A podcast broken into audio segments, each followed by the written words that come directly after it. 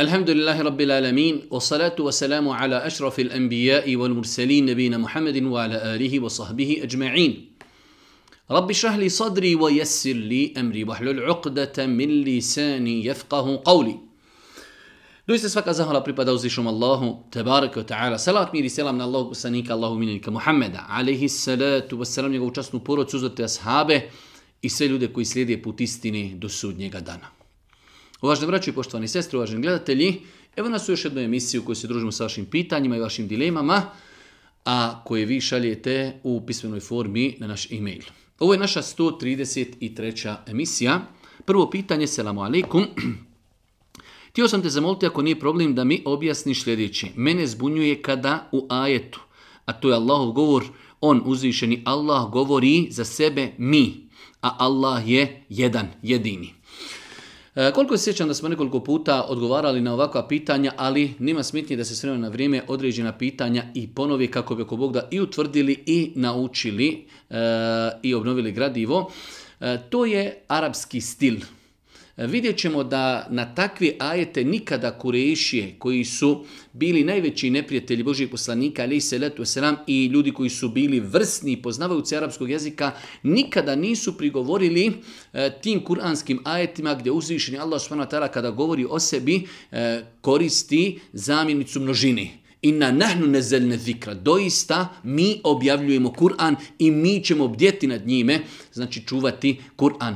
Tako da je to arapski stil, sama činjenica da nikada kurešije kao najveći neprijatelji, a Allah poslanika ali se sram nisu na takvu stvar prigovorili, to ukazuje da to uopće nije sporno, znači to e, jednostavno takav način izražavam kao što mi u našem jeziku imamo e, persiranje, kada je, osobu, jedinku, E, oslovljavamo vi.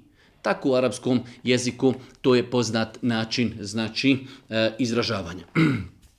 Pitanje broj dva. Čitao sam da linije na unutrašnjoj strani zgloba govori o nama, o našoj budućnosti i tako dalje, pa me interesuje vaše mišljenje o tome.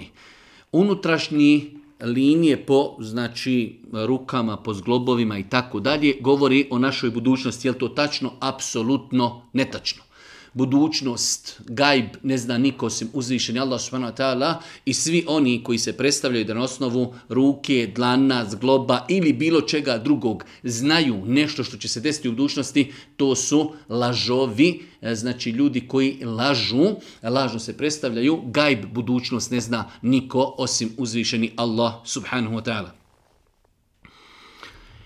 Treće pitanje, interesuje me da li osoba koja preseli drugi svijet i za koju hađ obavlja bedel osoba koju po propisanim, e, e, koja po propisima ispunjava uvjete hađa, da li ona ima istu nagradu i oprost griha kao da je hađ obavila lično za sebe. Pitanje je znači osoba koja je ispunila uvjete. Šta znači ispuniti uvjete? E, da bi neko išao na hađ za nekoga, treba da je on prije toga obavio hađ. Tek nakon toga, naredne godine može obaviti hađ za nekoga drugog, a to je nešto što se zove bedel hađ. E sada osoba kada ide kao bedel hađ, da li ona ima nagradu koja je obećana u hadisima Božih poslanika za obavljanje hađa, on obavlja za nekog drugog.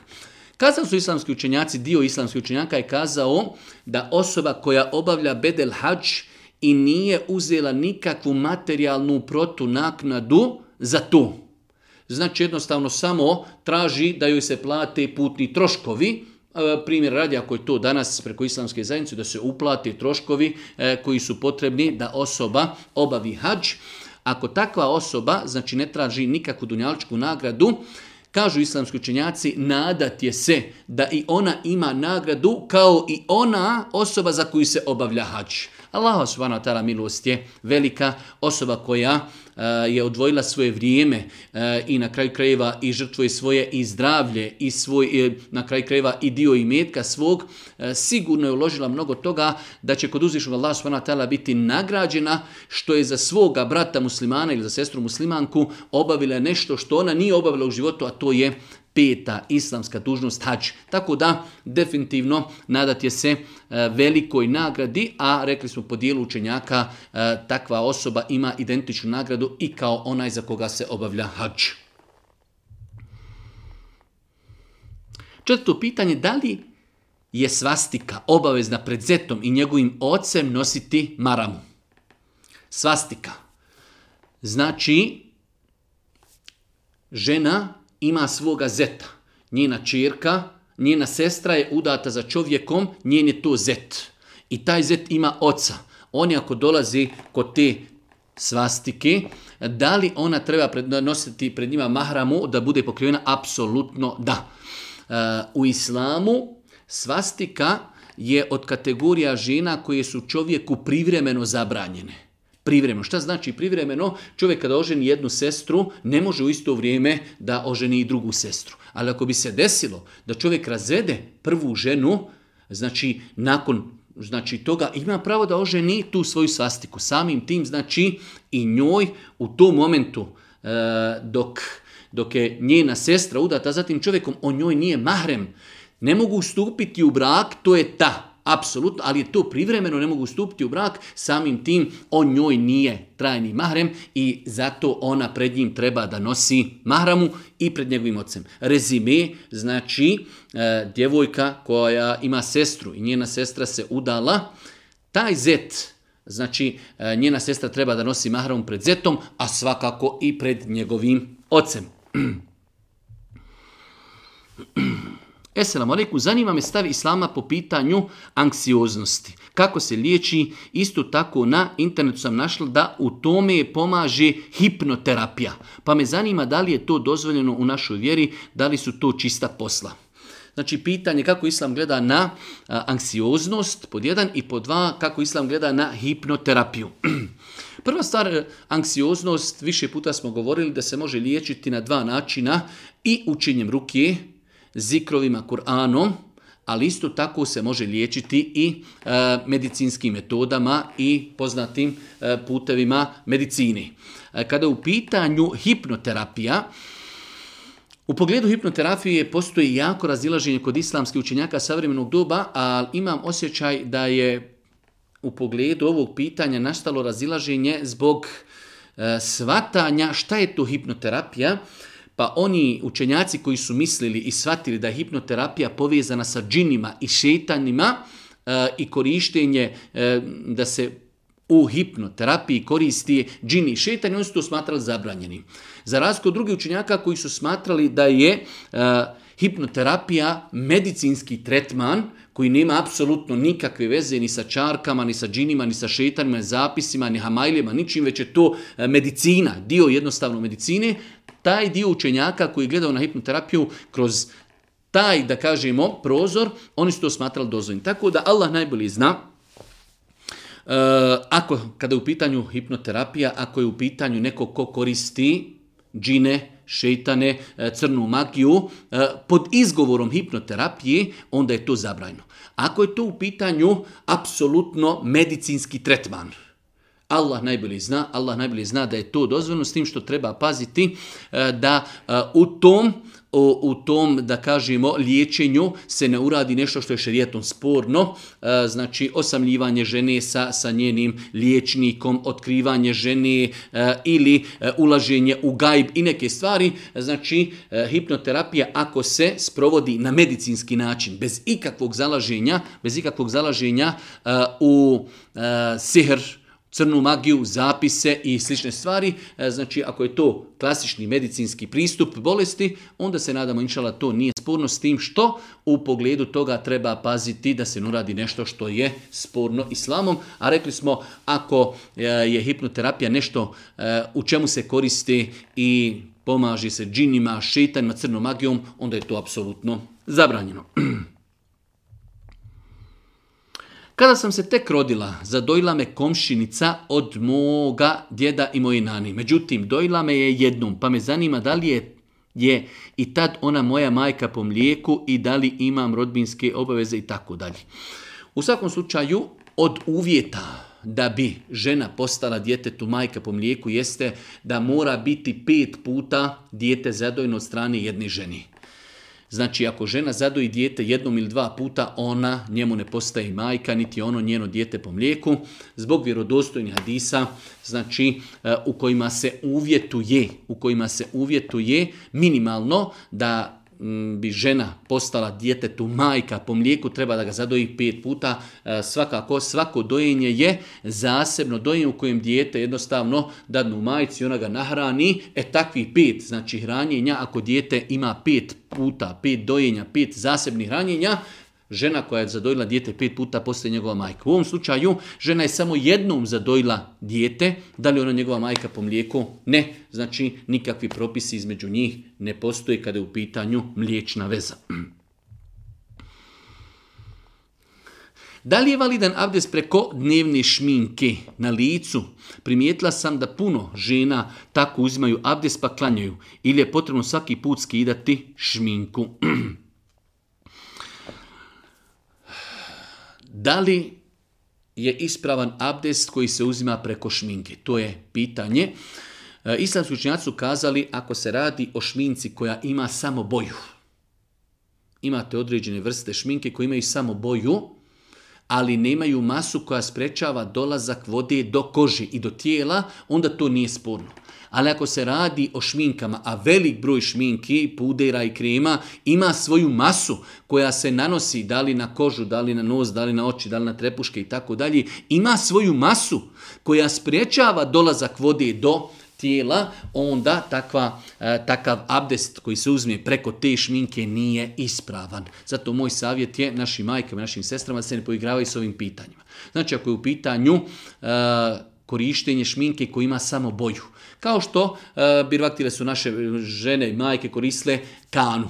Kana ima boju, crvena je ruka ili žuta ili, hajde da kažemo, naranđasta, ali nema, nema nikakvog traga ali današnje šminke u velikom broju slučajeva znači ostavljaju traga i sprečavaju. Čak ćemo vidjeti nekada žena ako ima neku bubuljicu nanese određenu kremu toliko da se ne vidi više ta bubuljica. Jednostavno ta bubuljica je prekrivena, ne vidi se. Tako da moj savjet je da se pazi na to pitanje, znači šminka koja ima samo boju, ne sprečava validnost namaza za razliku od šminki koja spreča, ima svoju masnoću, ima svoje tijelo, ima znači debljinu, sprečava dolazak vode do znači koži, takav abdes nije ispravan i samim tim nije ispravan ni namaz koji se klanja sa takvim abdestom.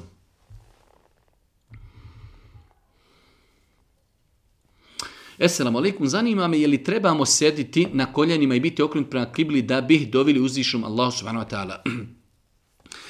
E, dova je jedan od najveličanstvenijih ibadeta u islamu, ali isto tako i najjednostavniji. Jeste, lijepo je i pohvalno da čovjek kada dovi da se okrene prema kibli i da podigne ruke. Ali samo to su pohvalni postupci u dovi. Čovjek može doviti idući, može e, vozeći se u autu, može da ne digne ruke i da njegova dova bude primljena. Tako da nije uvjet kao obaveza, obavezna stvar da čovjek prilikom dovi mora se okrenuti prema kibli i podići ruke ali ako ima vremena, ako se može znači okrenuti, okrenuti se prema kibli, podići ruke, svakako da su tu određeni faktori koji mogu biti dodatno razlogom da se dova primi ali to nije uvjet. Čovjek može biti da znači trči, da hoda, da se vozi u autu, da je okrenut u kontrapravcu od kibli i da se njegova dova ako Bog da primi. Tako da znači okretanje prema kibli, dizanje ruku prilikom dovi su pohvalni postupci u dovi, a ne obavezujući.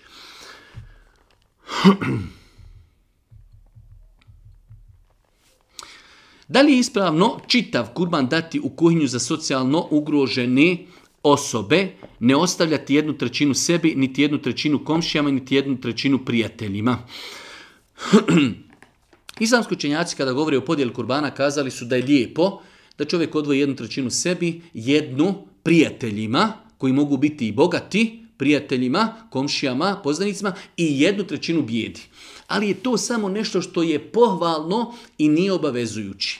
Ja lično smatram da je lijepo da čovjek od svog kurbana sebi makar ostavi jednu kilu, jedan obrok makar to da sebi ostavi e, zbog određenih argumenata koji ukazuju da ipak čovjek od svog kurbana nešto treba pojesti. Ostali dio kurbana može čovjek kompletan donirati, može kompletan donirati e, određenoj ugroženoj kategoriji. U ovom slučaju znači e, da se preda kuhinjama za socijalno ugrožene osobe u Merhamet ili nešto slično tome.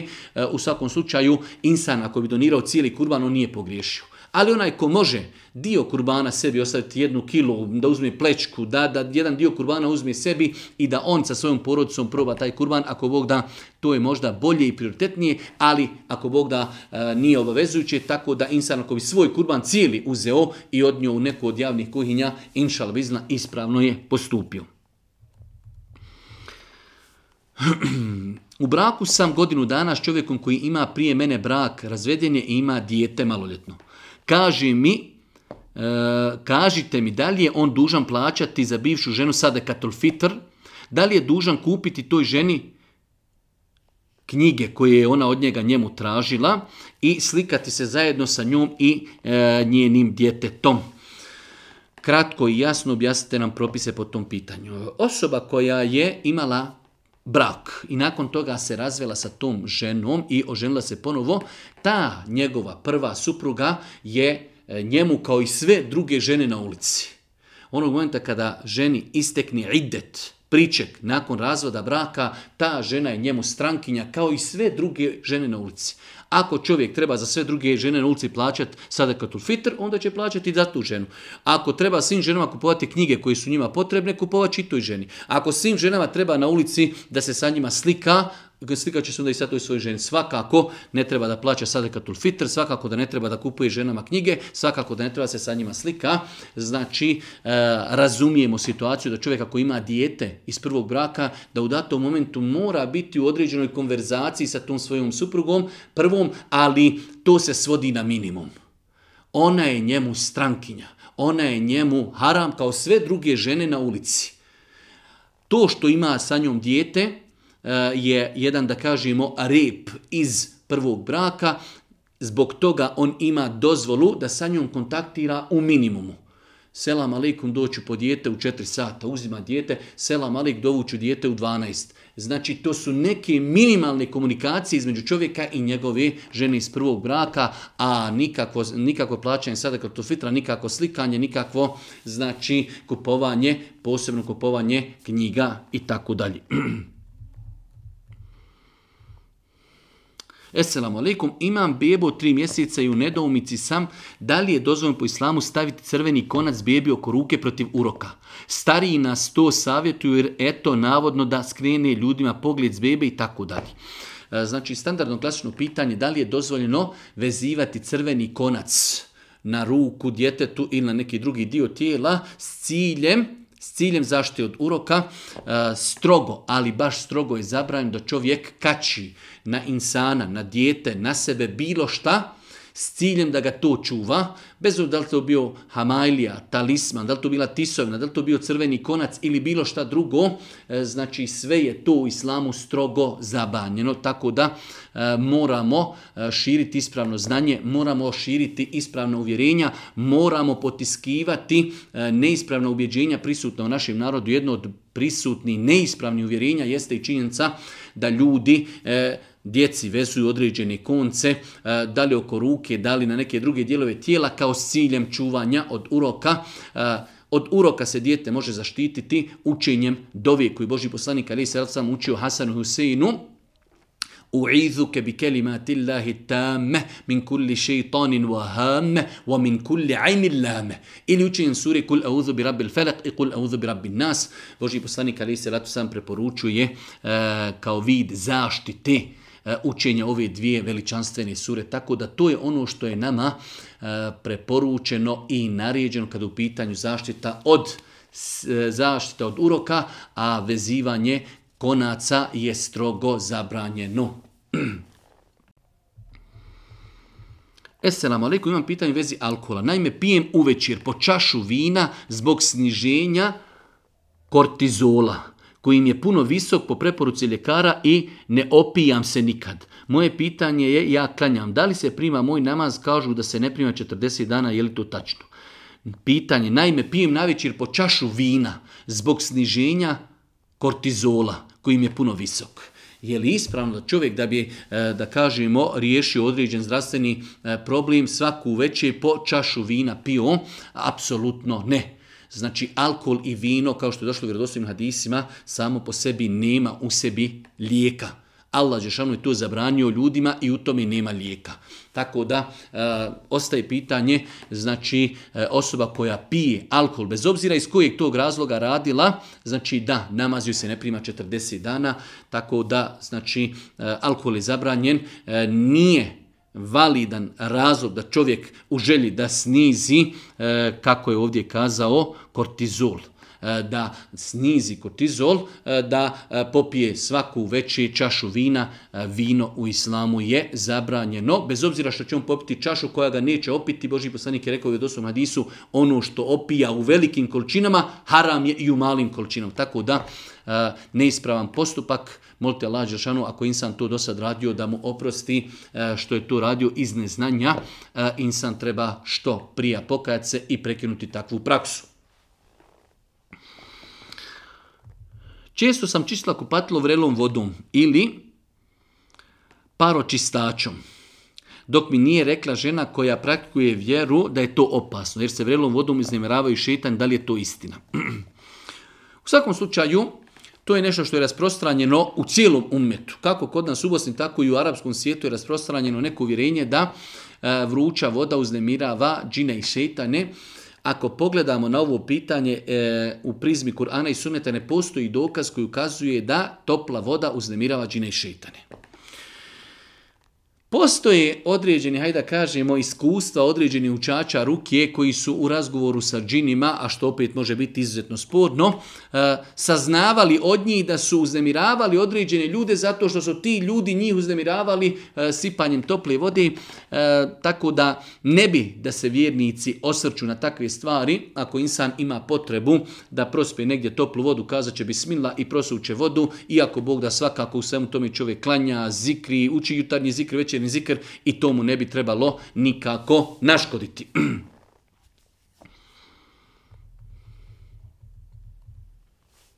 Živim u Njemačkoj, imam 17 godina i prije 4 mjeseca sam pronašao jednu osobu za koju želim da želim da se sa njom oženim. Naime, ona je bila kršćanka i prije dva mjeseca je prešla na islam. Želim da se sljedeće godine oženim i tako dalje. U svakom slučaju, Njeni roditelji su ljuti na to što je ona primila islam. Situacija je komplicirana. Da li ja trebam svakako tražiti ruku e, od njenih roditelja i saglasnost za stupanje u brak sa istom? u svakom slučaju, e, moj savjet je za osobe koje žele da ožene e, djevojke koje su konvertirale, prešle u islam. S aspekta islama nije obaveza tražiti saglasnost staratelja djevojke koji nije musliman. To je s aspekta islama, ali isto tako sa nekog društvenog aspekta čovjek treba da se potrudi maksimalno, da jednostavno ode kod tih ljudi, da se predstavi, da kaže ko je i šta je, da jednostavno e, e, prikaži ljepotu islama da jednostavno kaže vidite ta vaša čirka se mogla udati bez vaših saglasnosti, mogla je otići, punoljetna je, bez vaših saglasnosti, zakon je na njenoj strani, ali ne, mi želimo vašu saglasnost, vaš blagoslov, želimo da vi znate, o ja sam tu e, na raspolaganju, pitajte me ko sam, šta sam i tako dalje. E, tako bi trebalo da bude, osim ako situacija u datim momentima može iziskivati da se ponaša drugačije, u svakom slučaju e, ako je u pitanju djevojka koja je puno punoljetna i po zakonima države u kojoj živi ima pravo da se uda, to je s jednog aspekta, s druge strane s aspekta islama, žena čiji roditelji su i rodbina ostala nemuslimani, nemuslimani joj ne mogu biti staratelji, treba da se odredi neko iz reda muslimana da joj bude staratelj. Tako da u ovakvoj situaciji, ako je djevojka punoljetna, znači E, pokušati na lijep način stupiti u kontakt sa njenim roditeljima, da se dobije dunjalučka saglasnost, da jednostavno čovjek od početka braka nije počeo graditi brak na problemima što je mnogo bitno, ali s aspekta islama, znači e, nemuslimani ne mogu biti staratelji muslimanki prilikom sklapanja braka. Da li ja mogu klanjati noći namaz 10 minuta prije zori i onda klanjati sabah namaz? Da li se može klanjati 10 minuta prije nastupanja sabaha eh, noćni namaz? Ako je insan siguran kada nastupa zora, 10 minuta prije nastupanja sabaha čovjek može klanjati vitr namaz, može klanjati noćni namaz, zato što Boži poslanik je kazao u vjerodostom hadijskoj bilježi i Buharija i Muslim, eh, kaže noćni namaz je dva po dva, dva po dva, pa kada se budete bojali sabaha, budete se bojali, aha, sad će nastupiti sabah, klanjajte, kaže, jedan rekiat i time ćete učiniti vitr, vitr, neparnost onom svom noćnom namazu. Tako da 10 minuta, 15 minuta insan, ako je siguran da zora nije nastupila, ako ustane i klanja dva rekiata ili klanja neku na filu i klanja vitr namaz, ako Bog da bitno je da to klanja prije nastupanja sabaha. U sobi u kojoj spavam mi je srđada, uvijek namještena. Da li je ja moram svaki put saviti i postaviti kada, budim, kada bude vrijeme sljedećeg namaza? Pitanje znači da li osoba koja ima u kući prostrtu srđadu, da li je svaki put mora podizati nakon namaza i ponovo spuštati? Ne poznajem dokazu islamu koji nas obavezuje time da mi svaki put kada hoćemo klanjati moramo uzeti srđadu prostrti je kad završimo da je svako savijemo i da ostavimo. To naš narod što praktikuje više je iz nekih da i nazovemo higijenskih e, uvjeta gdje jednostavno ljudi hoće da imaju svoju neku seđad koja je čista, odmotaju i lijepo prostru, uklanjaju i onda i saviju, možda pokući ako se hoda ili neko ako nešto i e, isprlja, ali seđada treba da bude čista za namaz. Ali kao vid obaveze i kao vid propisa islama ne. Seđada može ostati prostata mjesec, dva, tri, godinu, tri, nema nikakve smetnji. Ovo je podpitanje osobe koja je poslala prethodno pitanje, kako dova mijenja sudbinu i da li je mijenja u suštini i tako dalje. U svakom slučaju, islamski učenjaci kada govore o hadisima u kojima se spominje da određene stvari mijenjaju sudbinu i da mijenjaju na faku, da mijenjaju kader i tako dalje, između ostalog se spominje i dova, kažu e, da je to uvjetni kader. Znači imamo kader koji je zapisan u knjizi Leuhi Mahfuz koji se ne mijenja.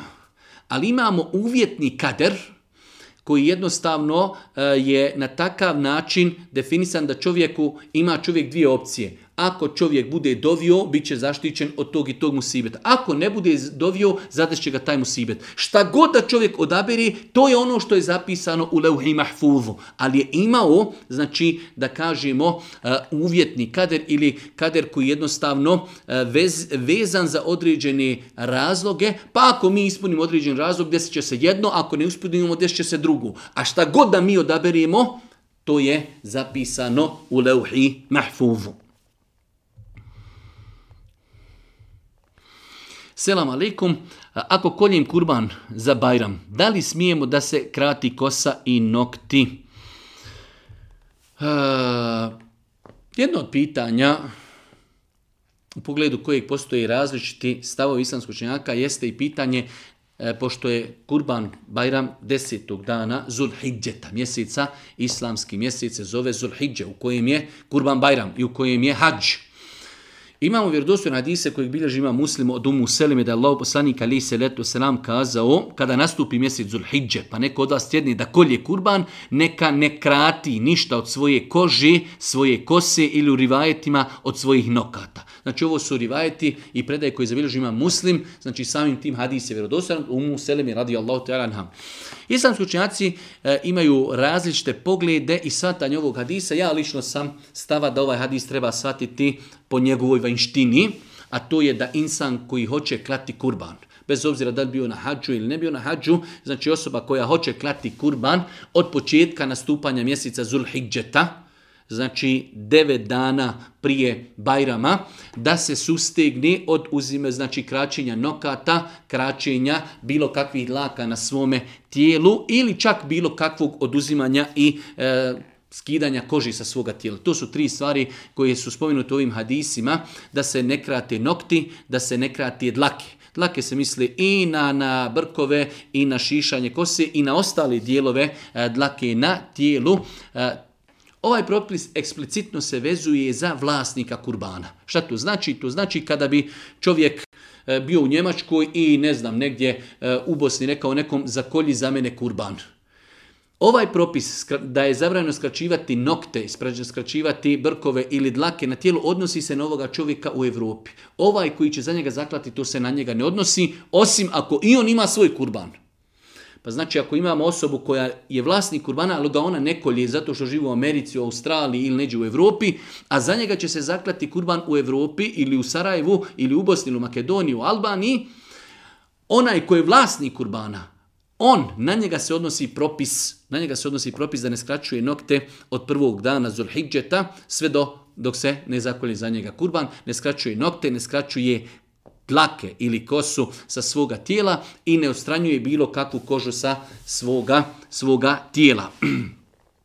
Svakako, postoje i druga razumijevanja ovih hadisa, ali ja lično sam stava da ovaj hadis da ovaj hadis, e, pošto je vjerodostojan, pošto je vjerodostojan, e, nema razloga da se e, po njemu ne radi. Svakako ako bi neko imao neku potrebu, ne daj Bože da mu se zalomi nokat ili neki drugi razlog da određenu stvar iz ovog hadisa i uradi, on će to uraditi, inšala nije griješan, s druge strane nema nikakav iskup ako bi to i prekršio, ali svakako da osoba koja će klati kurban, znači bolje da se pridržava smjernica spomenuti u ovom hadisu.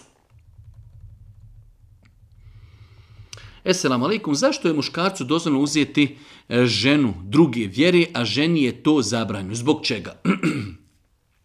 Pitanje, zašto je dozvoljeno muškarcu dožene ženu druge vjere, a ženama nije? E, poprilično ne, ne, ne, ne, neprecizna konstatacija muslimanima je samo dozvoljeno da oženi ehlul kitabike. Ehlul kitabike su žene ili kršćanke ili židovkinje, koje su poznate da su čestite i moralne.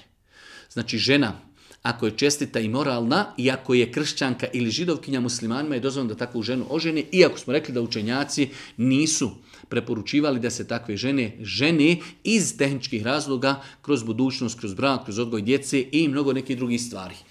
E, tačna je konstatacija da ženi muslimanki se nikada, ni u kakvim uvjetima nije dozvoljeno udati za čovjeka nemuslimana. Zašto je to tako? E, ja sam od osoba koje nikako e, ne prihvataju, a isto tako e, smatram da treba ljude odgajati na tome da ne ispituju gospodara zemlje i nebesa. Zašto? Ovo su propisi koji su potvrđeni po konsenzusu. Znači jasno u Kur'anu, jasno u sunnetu, jasno po konsenzusu islamskih učinjaka da je propis da musliman može oženiti e, čestite ehlul kitabike, a da žena se ne može udati za bilo kakvog nemuslimana. Znači to su propisi potvrđeni ne možemo postavljati pitanje gospodaru zemlje i nebesa. Zašto? Najbolje da tu stanemo, da se naučimo pokornosti. To je gospodar zemlje i nebesa objavio. On zna najbolje šta njegovim roboma, robovima e, je adekvatno, šta im odgovara. Gospodar tako naredio i završena stvar.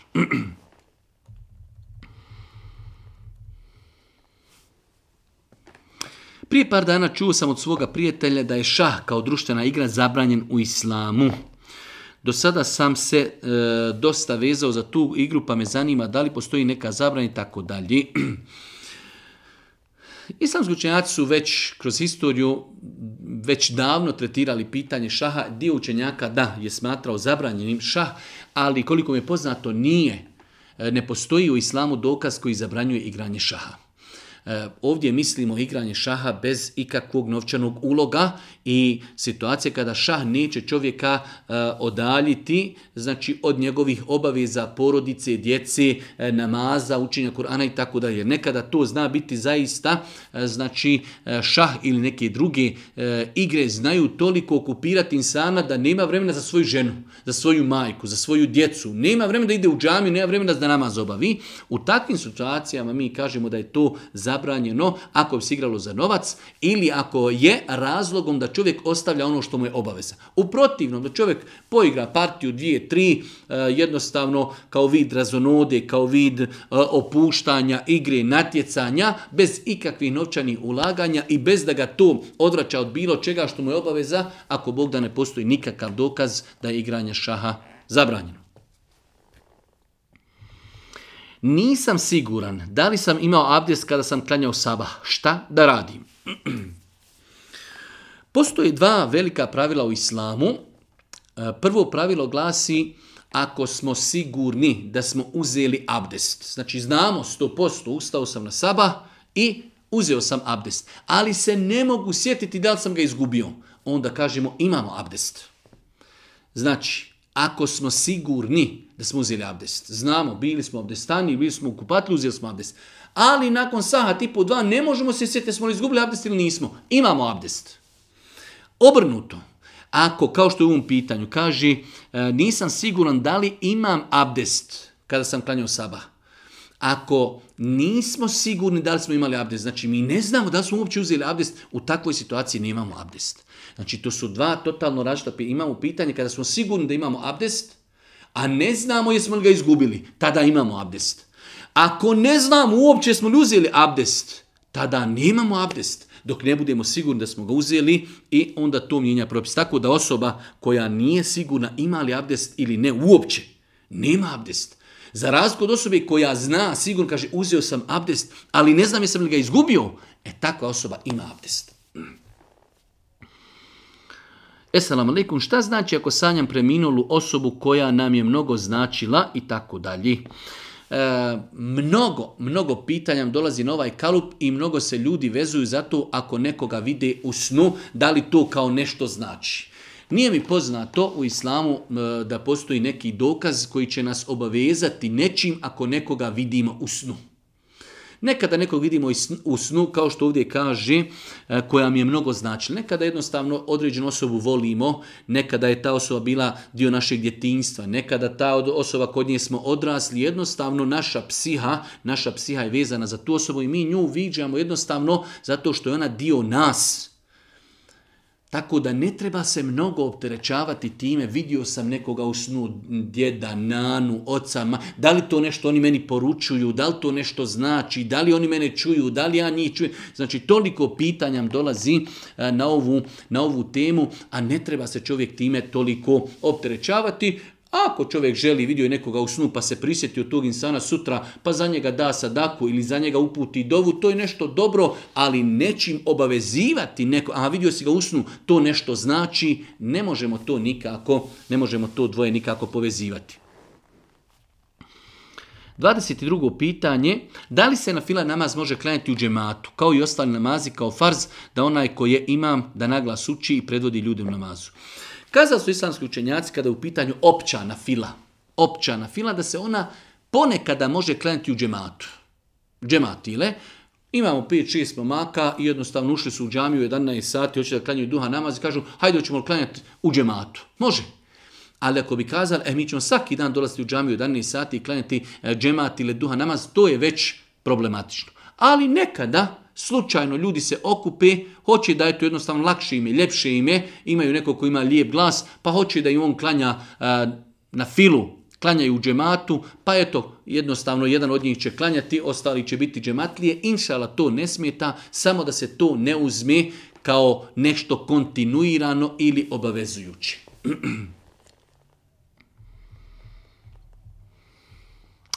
Esselamu alaikum, živim i radim u Slovim, pa ne zanima da li je nama muslimanima dozvoljeno jesti pileće, goveđe, meso i slično od ehlul kitabija ili moramo provjeriti porijeklo mesa i na koji način je zaklano. Allah najbolje zna, znači ljudi koji žive u Europi. Mi znamo da je danas preovladava kada je u pitanju e, mesna industrija, da preovladava neislamski način klanja životinja. To mi moramo privati da generalno u svijetu, kako u Evropci, u Americi, u Australiji, da generalno u neislamskim sredinama preovladava većinski se životinje pikuju, negdje imaju države gdje je zabranjeno klati, zabranjeno zaklati životinju, negdje se ubijaju, negdje se pikuju i tako dalje. To što je nama Allah Žešan dozvolio da jedemo meso Ehlul Kitabija ne znači da je to dozvoljeno po svaku cijenu. Ako u jednom vremenu nastupi period kada u određenoj državi, u određenom vremenu, osnova postani kao što je danas da meso znači biva ubijeno, meso biva pikovano, meso u nekim državama zabranjeno klati i mi reći pa ne, ono je od Ehlul Kitabija, mi to možemo. Ne, Znači, zato moj savjet je našoj braći koji žive u Europi, u Sloveniji i u drugim zemljama Europi, da ipak pazi na meso koje je konzumirao, bez obzira da to bila piletina, da li to bila e, znači, e, neko drugo, neka druga vrsta mesa, da e, gledaju da to bude meso koje ima neki certifikat, koji ima nekoga koji za toga stoji i kaže ovo meso je zaklano na halal način, jer jest uzvišnji Allah nama dozvolio meso Ehlil Kitabija, ali isto tako i klanje Ehlul Kitabija ima iste uvjete. su Ehlul Kitabija da bi nama bilo halal, postavljaju mu se isti uvjeti kao što se postavljaju za muslimane. Čak šta? I postavlja se uvjet da Ehlul Kitabija kad kolju kažu bismillah. Da li danas na planeti ima neko od Ehlul Kitabija da kaže bismillah kad kolji? Meni nije, meni to nije poznat. Tako da, moj savjet je našoj braći i sestrama koji žive po e, državama Europe, Amerike, Australije, da pazi na meso koje konzumiraju, da to bude meso koje ima neku deklaraciju, ima neki znači certifikat da je to e, meso zaklano na halal i islamski način. da li je lijepo dati ime djetetu Imran? I šta znači u prijevodu? Imran eh, je ime spomenuto u Kur'anu, tako da nema nikakve smetnje i kroz historiju ako pogledamo, znači eh, čak od ashaba pa nadalje vidjet ćemo da su muslimani uvijek nadjevali ovo ime, tako da nema nikakve smetnje eh, dati djetetu ime e, Imran. Imran. Da li piletna spada pod halal meso kao i riba? Ili baš treba gledati na certifikat, je li halal? Jedno sada slično pitanje prijedodnom pitanju, ali ovdje znači mi imamo muslimanima je dozvoljeno konzumirati ribu bez obzira kako je riba ulovljena i kako je zaklana ili nezaklana ubijena, bez obzira riba je uvijek halal. Da li se takav propis odnosi i na piletinu? Apsolutno ne. Piletina u sebi ima krv.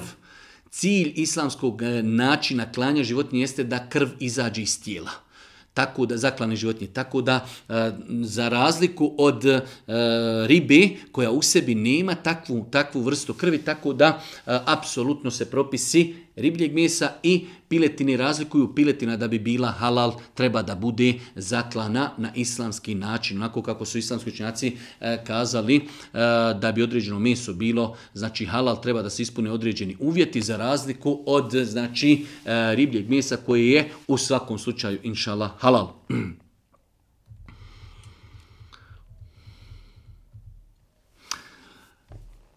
Zanima me, pošto sam viđao po internetu da je grijeh objavljivati muziku na društvenim mrežama, jer kako oni kažu koliko ljudi vidi to što si objavio, a da, sa, a da sadržaj muzike e, piše ti se grijeh. Na objavio sam video na TikToku kojim ima muzike i taj video ima 5000 pregleda. Da li ja onda imam 5000 grijeha? Pitanje je, da li insan ako promoviši određen grijeh i određene druge osobe, taj grijeh vidi njegovim potresom, da li on ima u tome udjela? Apsolutno da. Allah poslanik Ali se sam kaže ko bude pozivao na uputu. Kažu islamski učinjaci, ovdje se misli uputa na dobro. On će imati nagradu svih onih koji budu radili po toj uputi i po tom dobru, da ništa njima neće umanjiti, a ko bude pozivao u dalalet i zabludu i grijehe i nemoral. On će imati grijehe kao svi oni koji budu radili taj grijeh. Tako da ovo je ujedno i poziv našim omladincama, a omladincima i svima drugima da paze šta objavljuju, šta šeruju, šta lajkaju. Sve je to jedan vid podrške i jedan vid promovisanja grijeha. Znači čovjek bez bez da razmišlja može objaviti kod sebe neke porno scene, neke filmove, neke e, muzike i ljudi to e, vide, čuju, uživaju u tome preko njegovog profila i on će imati udjela u tom grijehu. Može se čak što više desiti da čovjek umri.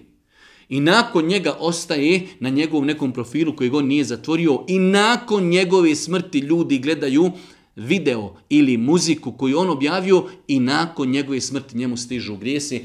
E, kao što stižu grijesi onima koji su bili glavni uzročnik toga, onaj koji je snimio muziku, svi koji budu slušali muziku njegovu, on će imati za to grijeh. I oni koji snime porno filmove, svi koji budu gledali i dok su oni živi dok su mrtvi, dok budu gledali te porno scene, oni će zato imati grijeh. Zato je ovo poziv da se pazimo šta objavljujemo, šta podržavamo, šta promovišimo. Jedno malo duže pitanje, radi se o problemu osobe koja ima problem sa masturbiranjem. E, pa mu predstavlja problem da se non stop kupa od masturbiranja. Kaže, kakav je propis onome ko masturbira stalno?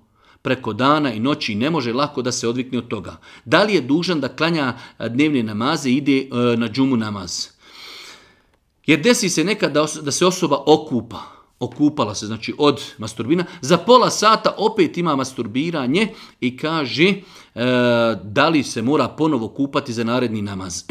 sad konstatacija, nije logično niti izvodljivo da se stalno kupa, jer prema, navo, e, prema navodima morao bi se onda dnevno kupati dosta puta i tako dalje, naročito kada je u pitanju zima. Pogledajte pitanja. E, osoba zna da je masturbiranje zabrajno i zna da se nakon masturbiranja mora kupati ali pošto to dnevno radi više puta, kaže meni je to problem, čak se ovdje navodi u pitanju da osoba nemo, u nemogućnosti da se kupa non stop, ide u džamiju i klanja znači u džunup stanju. Pogrešno postavljene teze. Znači, e, mogu li ja ići u džamiju da sam džunup, a nikako da razmislim da ja to ostavim. Da, obaveza je se kupati. Jedan od najvećih grijeha, po dijelu učenjaka je to kufr, nevjerstvo, da insan svjesno stane u namaz, a on nema abdesta ili u stanju. Tako da je ovo poziv našim omladincima da se ne igraju sa ovakvim stvarima. Pogledajte do koje mjeri može doći e, znači, porok i problem sa masturbiranjem da, da omladinci e, znači dnevno i po 5-6 puta imaju problem sa masturbiranjem do te mjere da im je se teško više toliko puta kupati. Da, mi obavezujemo, ne mi, to je propis islama. Svaki put kada osoba masturbira mora se okupati da bi mogla klanjati namaz. Haram je, ali veliki haram otići u džamiju, klanjati nakon masturbiranja, a ne okupati se. Tako da je ovo naš poziv našim omladincima da se ostavi ovakvih e, poruka. E, znači, ako im se ide si da su radili taj haram, onda se moraju kupati kako bi znači mogli biti čisti za obavljanje namaza. Svako jutro se budim sa strahom i osjećajem da će se nešto loše desiti. To mi sprečava mogućnost da uradim bilo šta, da li je to uticaj šetana ili ne. E, jedan izuzetno pesimističan pristup životu da čovjek ili žena se budi i non stop je pod strahom da će se nešto loše desiti. Obrnuto, Čovjek treba da bude optimista, da vjeruje u Allaha, da se na njega oslanja, da dovi Allah da ga sačuva, da bude svjestan da ga ne može zadesiti ništa osim što mu je uzvišeni Allah subhanahu e, znači propisao, odredio i da bude optimista, da vjeruje u Allaha, da ima lijepo mišljenje o Allahu, Obrnuto od ovoga, znači čovjek kaže neće, Allah me čuva, Allah me štiti, Allah je milostiv, Allah je mudar, idem, oslanjam se na uzvišnog Allaha, a ne obrnuto. Da li je tu taj šetan? Apsolutno da. Šetan je taj koji čovjeka zastrašuje. E, šetan je taj koji čovjeka čini tužnim, zabrinutim. To su najjača oružja šetana putem koji napada ljude jeste strah, tuga, briga. Čovjek sjedi zabrinut, zabrinut u osnovi od muhe mu je šeta napravio medvida i tako dalje. Tako da, znači, optimističan pogled na, na život, zikrovi, dove, osnovac na Allah subhanu wa optimizam i znači, e, da čovjek ima lijepo mišljenje o uzvišenom Allahu subhanahu wa ta'ala. Da li smijem šišati muškarce? Ne brijem ih, samo ih šišam, već dugo godina sam muški frizer, klanjam redovno. Da li bi smjela šišati muškarce? Žena, žena pita da li žena može biti muški frizer? Može žena šišati muškarce ako su u pitanju e, njeni mahremi. Znači ako žena hoće ošišati svoga oca, hoće ošišati svoga brata, hoće ošišati svoga amiđu, može ošišati takve osobe, sve osobe koje nisu ženi mahrem, znači ne može ona ih šišati zato što je nemoguće šišati osim da žena dotakne muškarca, e, znači dodir, razgovor, priča i tako dalje, tako da e, znači pitanje je E, da li bi smjela šišati muškarce, ne brijem ih, samo ih šišam, već dugo godine sam muški frizer, klanjam redovno. Hvala Laođe Jošanova, naša sestra je shvatila da mora klanjati redovno, još samo treba da shvati da ne može šišati muškarce koji njoj nisu mahremi, ali hvala uzvišom Allahu, ta struka, e, iako je žena muški frizer, nije to sad neka tolika, da kažemo, teška stvar, da se prekvalificira, da postane frizer za žene i da frizira žene koje nose mahrame, jer isto tako frizirate žene koje su otkrivene nije dozvoljeno, zato što je to vid potpomaganja ženi u tome da izlazi iz kuće otkrivena i uljepšana. Ali hvala uzvišnjom Allahu svakim danom sve više naših sestara koji nose i hijabe, i nose mahrame, i nose nikabe i koji imaju potrebu da se e, sređuju, da se šišaju, tako da žena o, u ovom slučaju, znači zabranjeno šišati muškarce koji nisu mahremi, treba da se prekvalificira i da njene mušterije budu žene koje su pokrivene ili žene koje nose nikabe.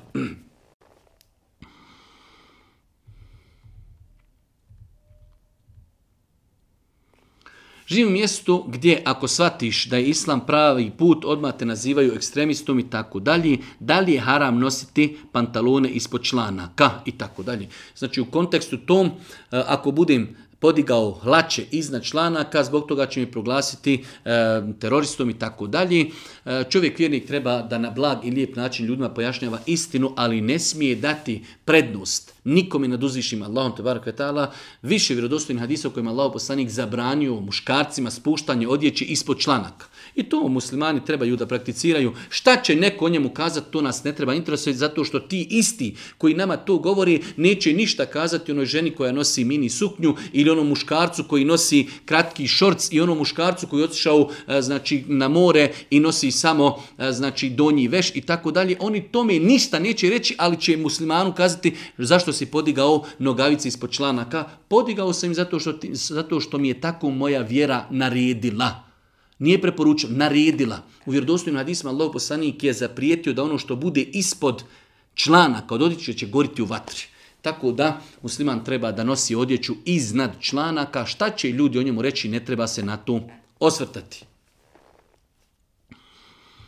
Imam jedno pitanje vezano za prava muža u pogledu gdje i kako žena upravlja sa svojim novcem, ne njegovim. U pitanju je čovjek koji je svojoj ženi zabranio da troši opet ponavljam, svoje pare na kupovinu poklona svojoj rodbini i tako dalje. E,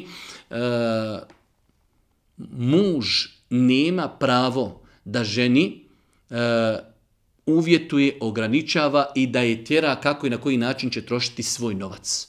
Njen novac, žena može imati novac kojeg je naslijedila od svog oca da je milijarder, da je milionir. Možda žena radi, ima svoju platu i normalno je to, mi to čak navodimo kao ljepotu islama, pokazatelj savršenstva da žena u islamu ima mogućnost da posjeduje i raspolaže svojim imetkom kako želi. Tako da žena ima svoj imetak, može dati svojoj majici, dati svome ocu, nekome kupiti poklon. E, svakako da ako vidi da njenom mužu nešto smeta, da pokušaju zajedno kao vid dijaloga, harmonije u braku razgovarati, ali s aspekta islama žena posjeduje svoj imetak i ima pravo da ga troši kako hoće.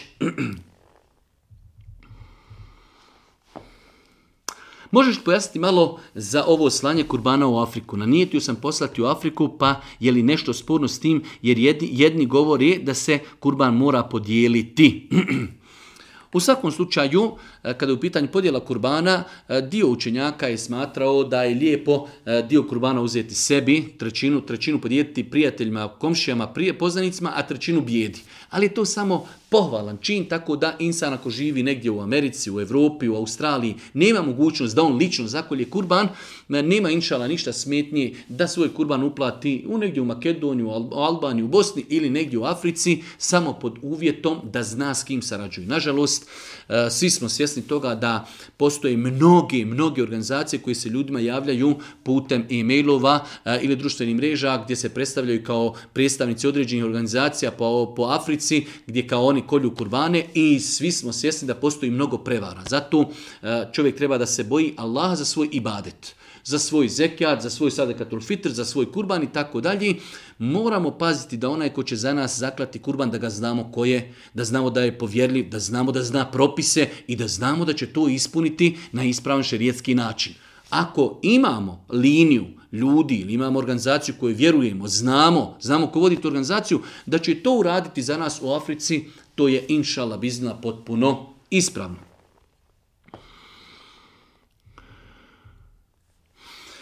Predzadnje pitanje, jučer sam bio na dženazi, vidio sam po mezarluku posipaju vodu. Baš me zanima zbog čega se to radi.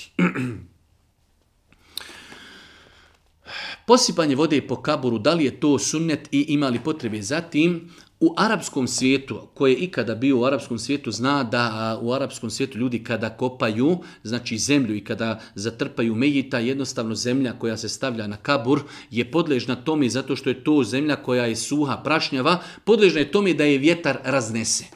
Pa se i danas dan od vremena Božeg poslanika praktikuje u arapskom svijetu da se po kaburu pospije voda iz razloga se ta zemlja gore malo skori, da se smokri, da jednostavno da nije podležna tome da je nosi vjetar. A posipati kabur vodom u našim podnebljima je bespotrebno, totalno, čak dio učenjaka je to smatrao novotarijom. Znači, nigdje nećete naći hadis da je Boži poslanik naredio ili preporučio pospite vode po kaboru. Jeste, zabilježen su određenim eh, hadisma predaje da je Boži poslanik to radio, ali je to svačeno iz razloga na način da jednostavno da se skori zemlja kako se ne bi, znači, eh, zemlja koja je iznad kabura kako je vjetar ne bi otpuhao od nju. Tako da, eh, to je s aspekta ovog, ako bi imali neko uvjerenje da to nešto pomaže Mejitu, da ga razlađuje da, i tako dalje, neka ljubomora, muž, žena se udala i tamo to su sve totalno neispravne stvari, govorimo samo o samom postupku, znači kod nas nema potrebe, kod nas je zemlja e, glinovita, kod nas je zemlja, znači kada zatrpamo Mejita, nikad u životu nisam čuo da je vjetar negdje odnio zemlju, za razliku u arapskom svijetu, znači gdje zemlja sa kabura bukvalno za par dana može biti odnesena, e, znači zato ima potrebe ili da se na nju stavi e, pjesak koji će čuvati tu zemlju ili da se pospije vodom kako bi se jednostavno malo ta zemlja e, nakvasila i kako bi se stvrdla. Posljednje pitanje, e, uvjeti šminkanja za ženu koja izlazi na polje. Znači mnogo je žena koje izlaze na, polju, koje, na polje, a koje su našminkane. Bez obzira bile pokrivene ili otkrivene, da li je to ispravno ili ne. Islamski učinjaci savremenog doba su kazali da žena koja izlazi na napolje, e, šminka se smatra e, ukrasom. A Allah Žešanu u Kur'anu je naredio ženama da svoje ukrase sakriju i da ih pokriju. Tako da žena ako izlazi napolje, ako je našminkana, onda treba da to pokrije nikabom ili da se ne šminka. To je prva stvar. Druga stvar jeste da u tom svom šminkanju ne liči i ne oponaša žene koji su poznate po nemoralu i žene nevjernice. Znači žena ako već se šminka, i šminku će pokriti, znači nečim što je prilikom izlaska iz kuće, e, tako da i muškarci ne vidi, šminka će se na način, znači, uljepšavanja kako to radi muslimanke i na kraju da te šminke neko ne štete koži. Nažalost, velik broj naših e, djevojaka, žena ne razmišlja o ovim posljedicama. To su islamski učenjaci postavili kao uvjet gdje ćete vidjeti da nakon godinu, dvije, tri, četiri, pet konzumiranja različitih preparata, e, znači pojavljuje se različita oštećenja koži e, na koju se stavljali, znači različite šminke, različiti preparati, tako da jedan od uvjeta korištenja šminke jeste da ne šteti zdravlju, da ne šteti koži na koju se stavlja.